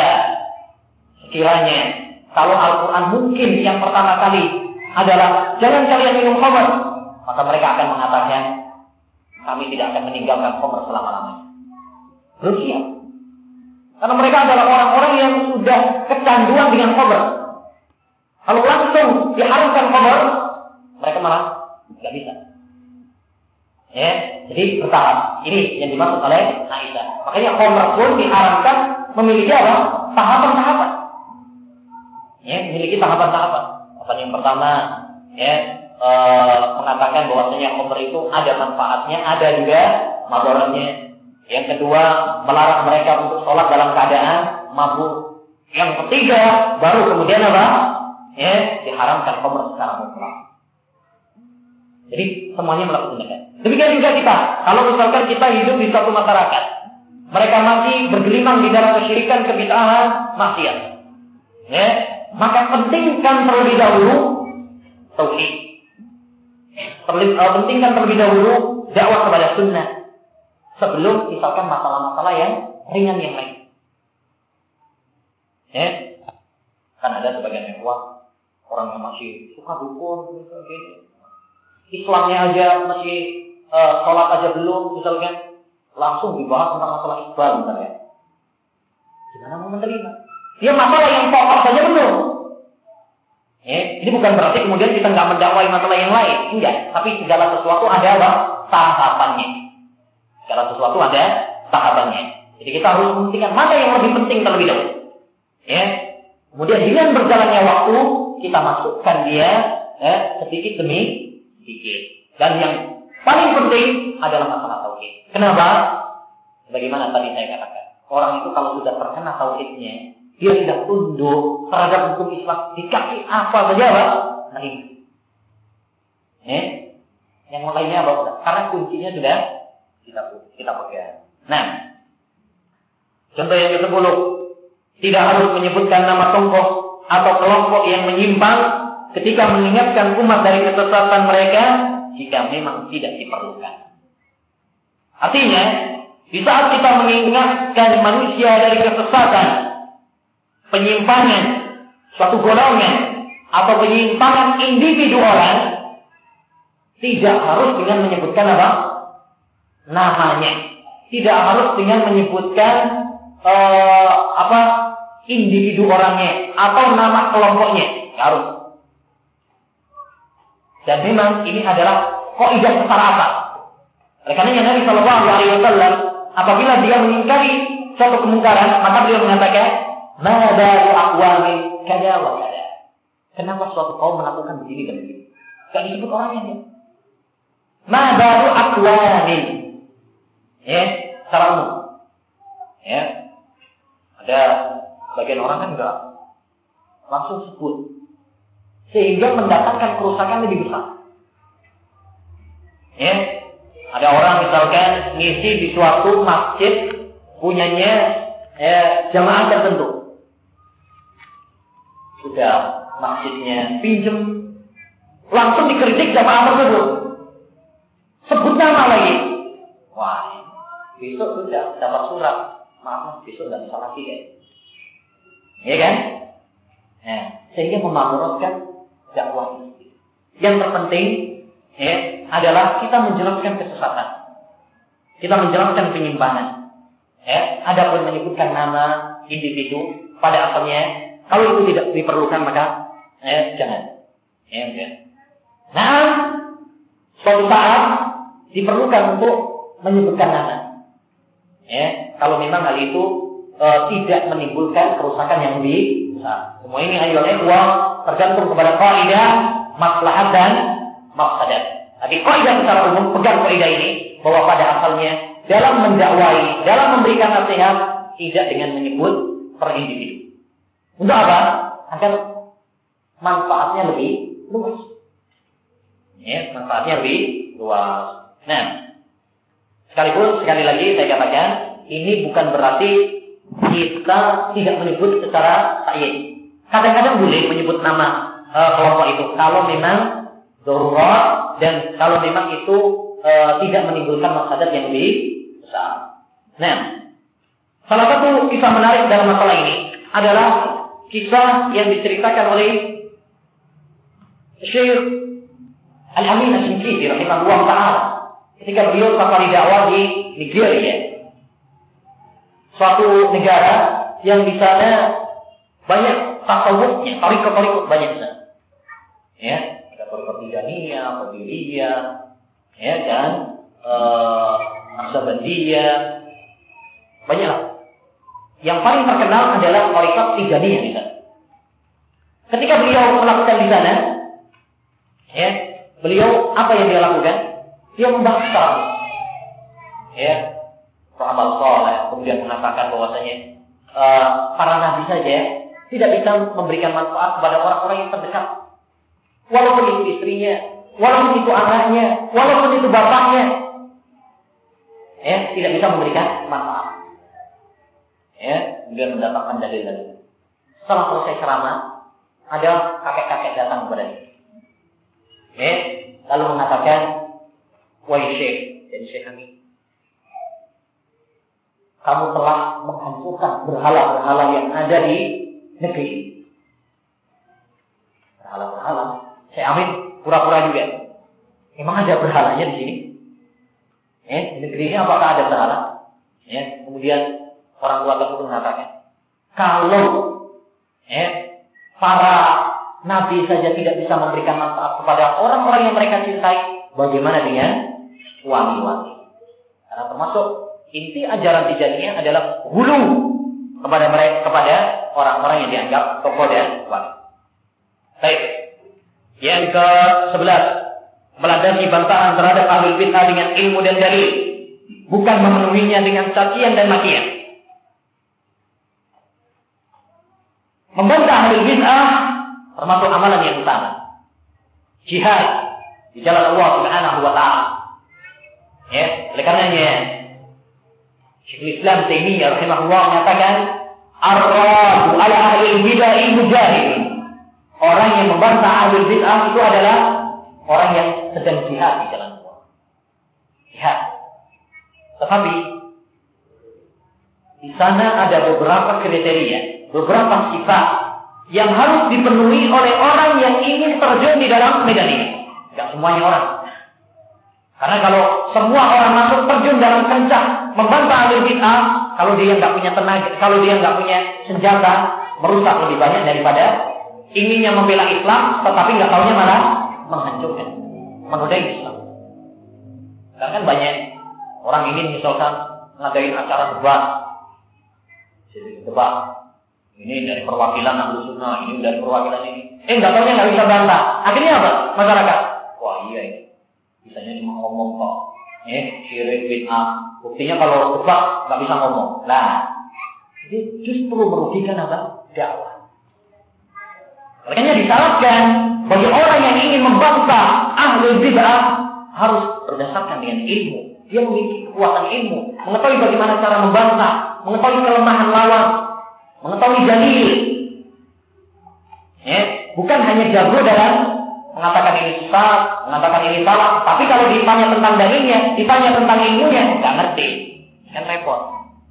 Syekhul Albani rahimahullah pernah menceritakan ada seorang uh, pemuda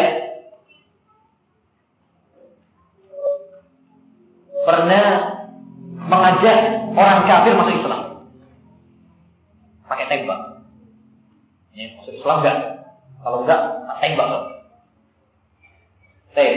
Kemudian orang tersebut mengatakan, orang yang tadi mengatakan, ya saya masuk Islam.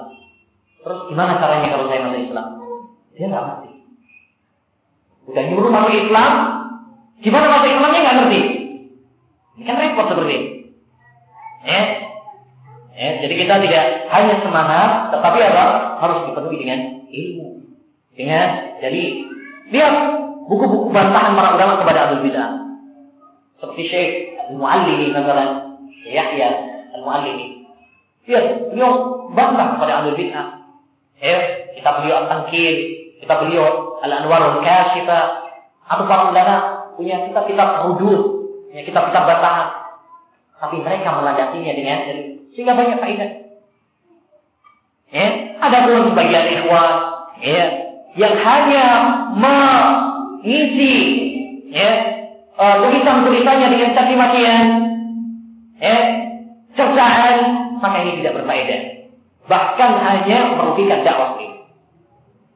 Kalau kita mau masuk ke dalam dunia internet, banyak sekali sebagian ikhwan yang menasabkan dirinya kepada dakwah salafiyah, menasabkan dirinya kepada ahli sunnah wal jamaah. Tatkala mereka melakukan bantahan, eh, mereka membumbuinya, bahkan mengisinya dengan celaan dan cercaan. Sehingga ada sebuah buku terbit dengan buku dengan judul Wajah Salafi Ekstrim dalam Dunia Internet. Ada lagi buku Terbongkarlah Dinar Wahabi. Ya. Buku-buku yang ngambil dari internet yang ditulis oleh sebagian orang yang menasabkan kepada dirinya kepada salafiyah yang mengeluarkan kata-kata kamus hewan. Ya, oh si ini kayak tikus gua. Si fulan ini kayak apa namanya? Uh, kalajengking. Ya, seperti ini kan ilmu seperti ini kan bantahan harus di dalam membantah itu dengan hujah, dengan dalil, dengan adab. Ya, bukan hanya dengan cercaan dan celaan yang jauh dari akhlak dakwah salafiyah. Ya. Nah, contoh kedua belas memenuhi permintaan ahli bid'ah untuk mengisi pengajian mereka dan memanfaatkan kesempatan itu sebaik-baiknya jika hal tersebut tidak menimbulkan fitnah dan diharapkan bisa mendatangkan maslahat. Ya, karena hal ini termasuk tolong menolong di dalam kebaikan. Wa ta'awanu 'alal birri wal taqwa wa la ta'awanu 'alal itsmi wal udwan. Ya, hanya saja ya, bagi orang yang ingin mengisi pengajian di suatu tempat yang notabene ahli bid'ah atau punya penyimpangan disyaratkan dalam kerjasama tersebut beberapa persyaratan. Syarat yang pertama bekerja sama tersebut dalam perkara yang hak yang bersumber dari syariat. Isinya, pengajiannya, acaranya yang yang benar. Acara yang benar, hak. Yang kedua mempertimbangkan maslahat dan maslahat. Kalau memang dalam kerjasama tersebut adalah dalam rangka maslahatnya lebih besar, eh silakan. Tapi kalau memang nanti masalahnya lebih besar, maka jangan. Yang ketiga, mereka tidak menjadikan kerjasama ini sebagai jalan untuk menyebarkan bid'ah mereka atau untuk menguatkan kebatilan mereka. Karena ini terkadang kita tipu. Oh diundang, doi ustaz. Nah ini untuk menipu, menipu. Nanti setelah itu udah tidak diundang lagi. Awalnya saja pembukaan aja. Sehingga orang-orang akan mengira, oh ini benar, dulu dihadiri sama uh, Ustaz pula atau alim pula. Nah, pada, padahal setelah itu dia menyimpan uh, dakwah yang terselubung. Nah, jadi ayo ikhwan, ini sangat penting sekali untuk diperhatikan. Ya, boleh kita itu mengisi pengajian di tempat alim kalau memang itu masalahnya lebih besar dan kita di sana untuk berdakwah. Aneh, ada sebagian ustaz yang disalahkan ketika dia ngisi di masjid uh, selain uh, dakwah ahli sunnah wal jamaah misalnya. Oh ini pernah ngisi di sana apa dia? Ini Kenapa? Satu, ustaz tersebut ingin ceramah, ingin dakwah, bukan didakwai. Ya. Yang kedua, banyak di sana para ulama yang mereka mengisi, yang memberikan dakwah, memberikan nasihat, memberikan muhawarah kepada orang-orang yang menyimpang. Sebut misalnya Syekh Rabi bin Hadi al-Madkhali pernah memberikan ceramah di masjid Tijani, Tarikat Tijani. Ya. Syekh Saleh Al-Suhaimi juga pernah mengisi di kajian markas sesat. Nah.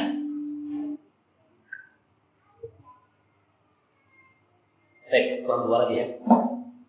Contoh ketiga belas. Mengikuti kebiasaan masyarakat selama tidak bertentangan dengan agama. Dan terkadang disyariatkan meninggalkan beberapa amalan sunnah guna menghindari fitnah. Ini juga termasuk hikmah dalam dakwah ila Allah jalla wa ala yang dilupakan oleh sebagian dai. Yaitu mengamalkan hal-hal yang dikerjakan di masyarakat selama hal itu diperbolehkan oleh agama. Tidak bertentangan. Ya. Dan menarik sekali apa yang dikatakan oleh Imam Ibnu Aqil rahimahullah taala sebagaimana dinukil oleh Imam Ibnu Muflih dalam kitabnya Al-Adab Syar'iyyah. Beliau mengatakan, "La yanbaghi mukhalafatu adatin nas illa fil haram." Tidak pantasnya bagi seseorang untuk menyelisihi adat manusia, adat masyarakat setempat kecuali dalam hal yang haram. Jadi, jadi selagi adat istiadat masyarakat tersebut tidak bertentangan dengan syariat, ya, maka hendaknya kita mengikuti mereka. Ya, tidak bertentangan selagi tidak bertentangan. Kalau bertentangan, ya berarti nggak boleh. Contoh misalnya,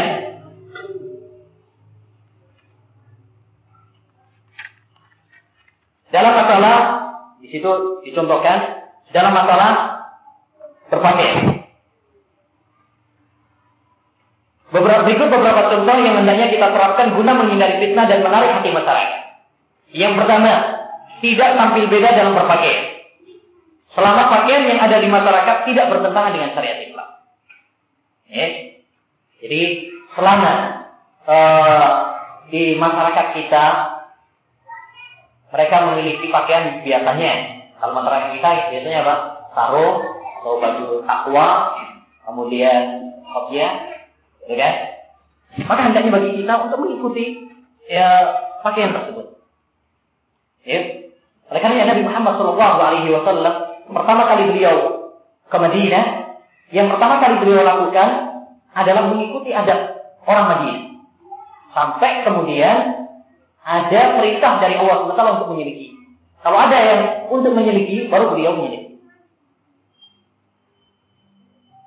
Ya. Tapi apakah berarti kemudian kita tidak boleh pakai kamis atau pakai jubah? Ya. Kalau memang itu di suatu komunitas yang memang mereka menganggapnya biasa, tidak ada masalah. Tapi kalau di suatu tempat ya di suatu tempat yang mereka kalau melihat uh, kita pakai uh, pakaian-pakaian yang menyelisih adat tersebut. Sehingga mereka lari dari dakwah kita maka hendaknya kita uh, untuk mengikuti adat mereka. Karena ini tidak bertentangan karena para ulama mengatakan pakaian yang sesuai dengan sunnah adalah pakaian yang sesuai dengan adat masyarakat. Eh, itu pakaian yang mendekati kepada sunnah oleh karenanya Nabi Muhammad Shallallahu Alaihi Wasallam pakaian beliau adalah mengikuti adat kita. Ya, mengikuti adat. Dan ini dikatakan oleh para ulama seperti Al-Imam Ibnu Akir, Imam ini, Syekh Nusaimin, Syekh Bakr Abu Zaid, dan yang lain-lain. Bahwa pakaian itu tergantung, ya, pakaian yang lebih mendekati sunnah itu adalah pakaian yang ya, mengikuti adat setempat. Sekalipun kalau misalkan kayak di pondok atau di yang lain yang sudah terbiasa, orang tidak menganggap itu adalah satu hal yang aneh, tidak asing, maka ini tidak mengapa insya Allah taala. Baik.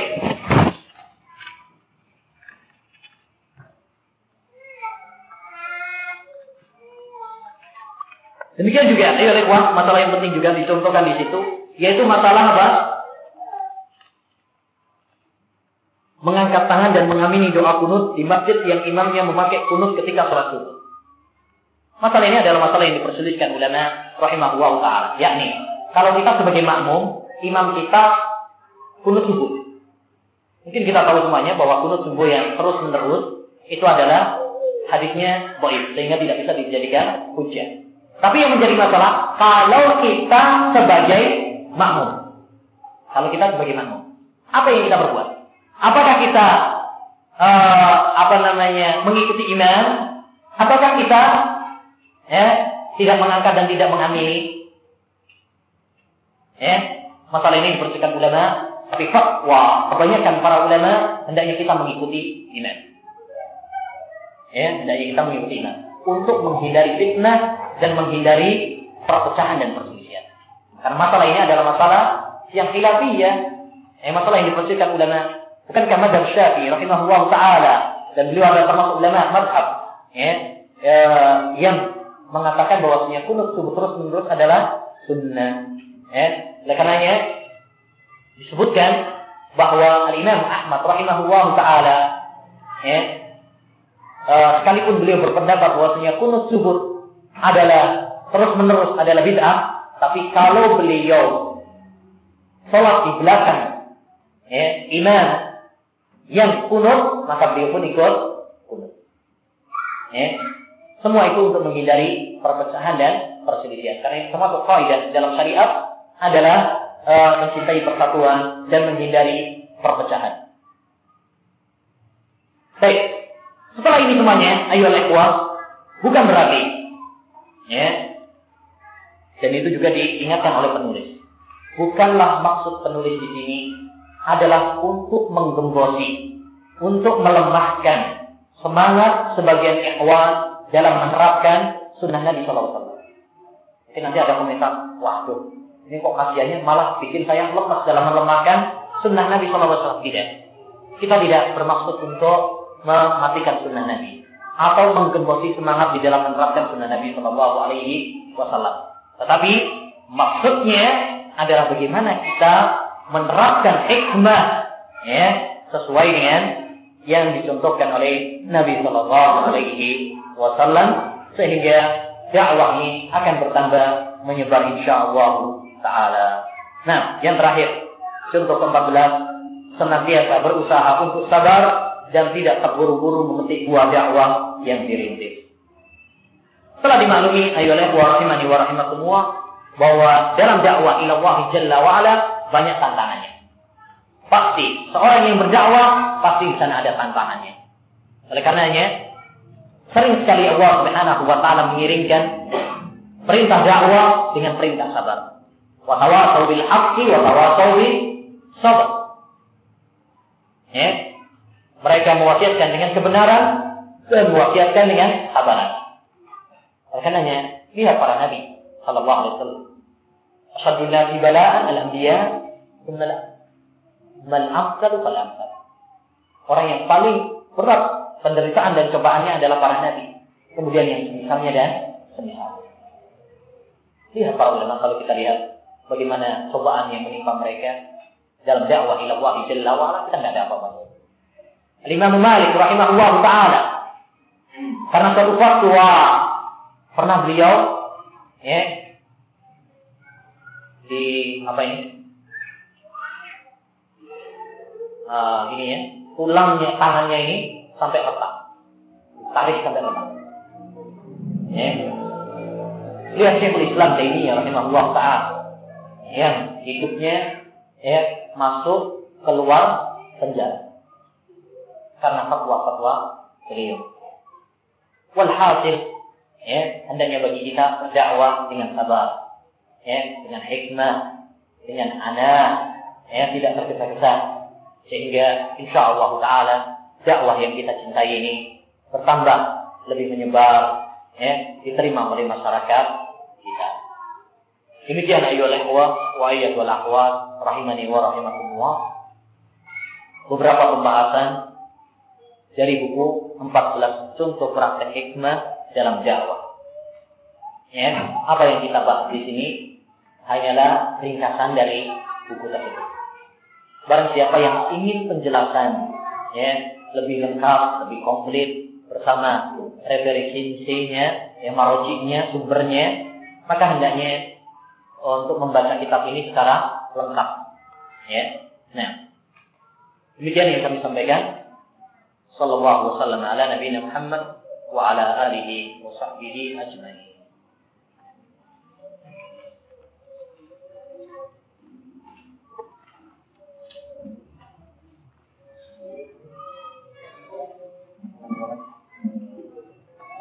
كل ذكر وخير إلى الأجرون وفضلات الله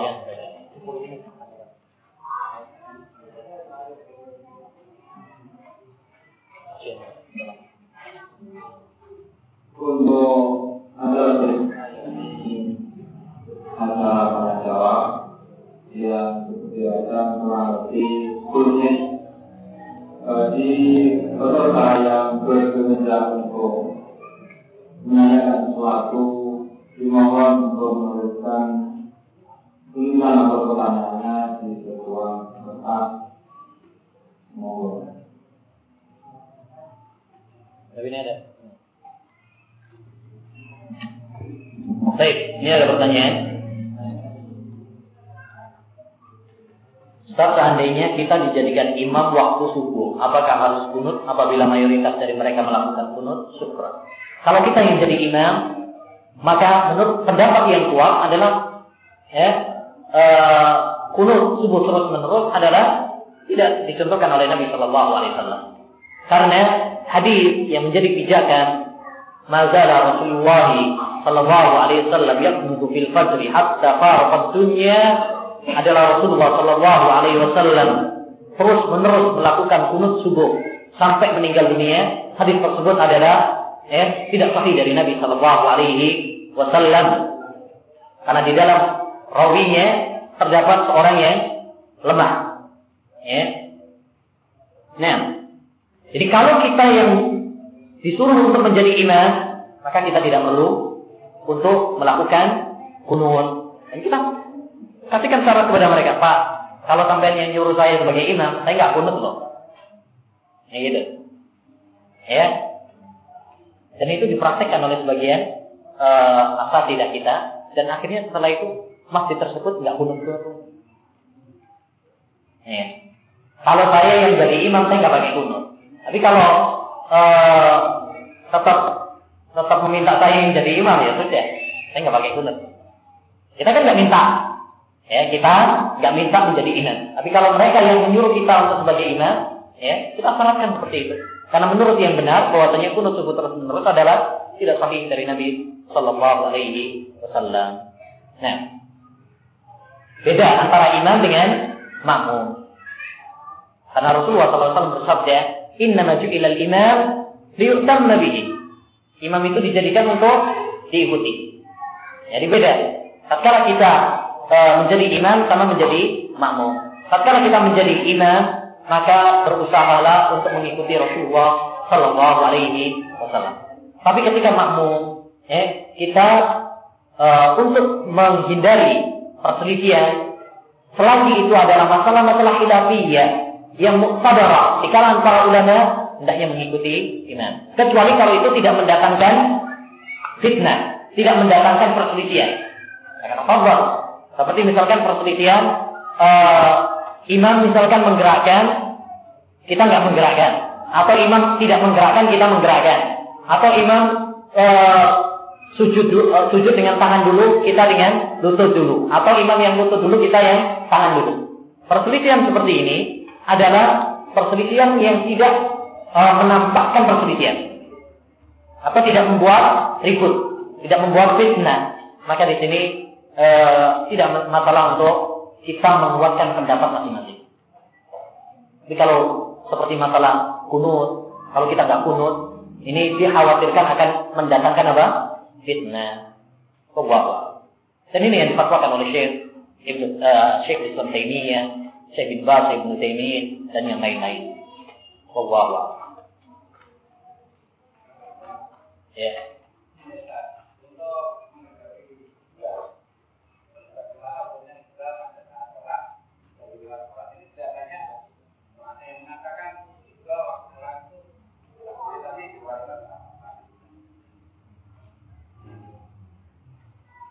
Dua pembahasan ini Pak. Kalau isbal, isbal yakni mengulurkan kain sampai menutupi mata kaki. Hukumnya adalah haram. Berdasarkan hadis Nabi Shallallahu Alaihi Wasallam, "Na asfala minal ka'baini fatinna." Setiap yang menutupi eh, mata kaki, maka itu di neraka. Yang namanya di neraka maka itu adalah dosa dan maksiat. Karena kaidah dosa adalah setiap ya, dosa yang ada uh, hukumannya di dunia atau ancaman di akhirat atau ancaman di akhirat. Dan ini ancaman dengan neraka, maka ini merupakan dosa. Adapun di luar sholat ataupun di dalam sholat, sebenarnya tidak ada bedanya. Tidak ada bedanya. Larangan isbal, baik ketika sholat ataupun di luar sholat. Dua-duanya hukumnya adalah tidak diperbolehkan hukumnya haram. Lebih-lebih ketika sholat karena kita menghadap Allah Subhanahu wa taala. Hanya saja yang mungkin yang dipermasalahkan bukan masalah itunya. Mungkin yang dipermasalahkan adalah sah atau tidak. Ini kalau ada orang sholat dalam keadaan isbat, sholatnya sah atau tidak? Itu yang menjadi permasalahan. Kalau masalah e, isbal di luar sholat sama di, e, di dalam sholat, dua-duanya adalah nggak boleh dalam sholat lebih eh, haram, di luar sholat juga haram. Nah, tapi apakah sholatnya sah atau tidak? Kalau ada orang sholat dan dia isbat. Masalah ini diperselisihkan ulama rahimahullah taala. Tapi pendapat yang benar bahwa isbal tidak membatalkan sholat. Ya, isbal tidak membatalkan. Dia melakukan dosa, tapi tidak membatalkan sholat. Alias sholatnya tetap sah. Tapi dia melakukan sesuatu yang haram. Adapun hadis yang disebutkan bahwa Nabi Shallallahu Alaihi Wasallam pernah menegur seorang yang isbal ketika sholat, lalu Nabi mengatakan, "Aid sholat." Eh, ulangilah apa? Sholat. Hadisnya tidak sahih dari Nabi Shallallahu Alaihi Wasallam. Hadis riwayat Abu Dawud, tetapi hadisnya lemah. Sebagaimana dikatakan oleh uh, Syekh Al-Albani rahimahullah taala. Sehingga tidak bisa dijadikan hujjah. Jadi kesimpulannya, isbal hukumnya haram baik di luar sholat ataupun di dalam sholat. Ya, tetapi kalau ada uh, orang yang sholat dalam sholat dengan isbal, maka sholatnya sah, tapi dia berdosa. Allah. Nah. Sudah? Subhanallah, wa bihamdik. Asyhadu an la ilaha illa anta astaghfiruka wa atubu ilaik. Assalamualaikum warahmatullahi wabarakatuh.